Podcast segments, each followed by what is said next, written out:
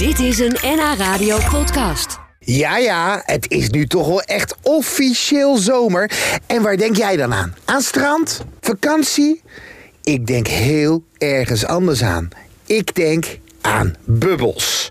Heel veel bubbels. Kijk, eerst gaat de muselet eraf. Zo heet zo'n ding. En dan hebben we eh, de kurk. En eigenlijk mag hij niet plop doen. Maar hij moet opengaan met de zucht van een vrouw. Was dat te zeggen van een vrouw? Ja.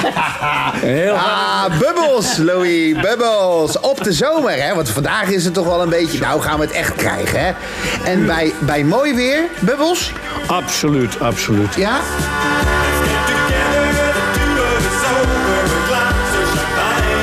Champagne is een heel bijzonder product. En alle mousserende wijnen ook. Je hebt eh, drie methodes om eh, belletjes in je, in je wijn te krijgen, zeg maar. En het eerste is dat je eh, zeg maar de methode 7-up. Oftewel, je hebt gewoon witte wijn, daar spuit je gewoon koolzuur in. De andere methode is methode Charma, zoals ze dat keurig noemen. Dat betekent dat je een hele grote tank hebt. En daar laat je dan een klein beetje van de koolzuur van de vergisting in opgaan. Want bij vergisting komen twee producten altijd vrij. Is alcohol en koolzuur. Maar de mooiste methode is die zoals champagne gemaakt wordt. En wat ze dan doen, is de, eh, in, in de fles op lage temperatuur met gisten. eh, misschien wel twee, drie, vier, vijf, zes jaar. Langzaamaan de, eh, de, de, de, de eh, koolzuur laten ontstaan. Dus het is niet zo gek dat champagne zo duur is. Nee, nee, nee, nee, nee. En het mag alleen maar champagne heten Als dat champagne komt. uit de champagne. Die streek, die ene Ja. streek. Champagne, hè? ja. mm. Oh, heerlijk. hoor. Als je nou geen geld hebt voor... Dank je. Geen geld hebt voor champagne, dan ga je naar de Prosecco, toch? Prosecco is een druif. Dus als mensen zeggen rosé, prosecco, dat bestaat helemaal niet. Want eh, het is een witte druif. En eh, de regels zijn nogal sterk. Eh, het mag alleen maar gemaakt worden in een bepaald gebied. Valle Biane in eh, Noord-Italië.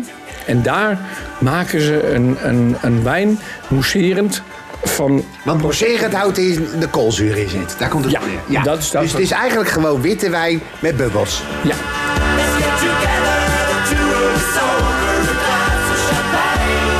Louis, dan heb je ook nog cava. Wat is dat dan weer? Nou, dat wordt gemaakt in het noorden van Spanje. En daar maken ze van, van eh, bepaalde druiven, onder Sadelo en een aantal, aantal andere nog.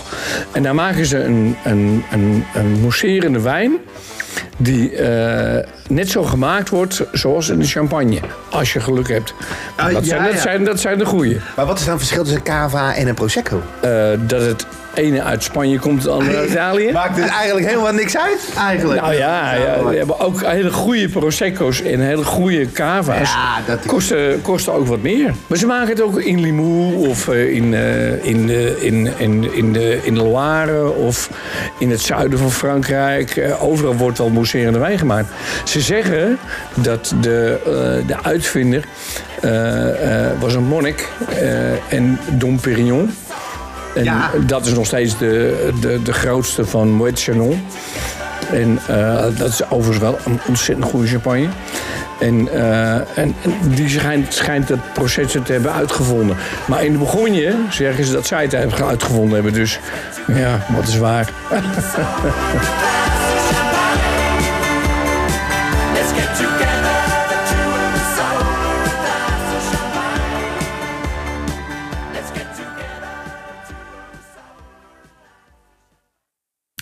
Dit was een NH Radio podcast. Voor meer, ga naar nhradio.nl.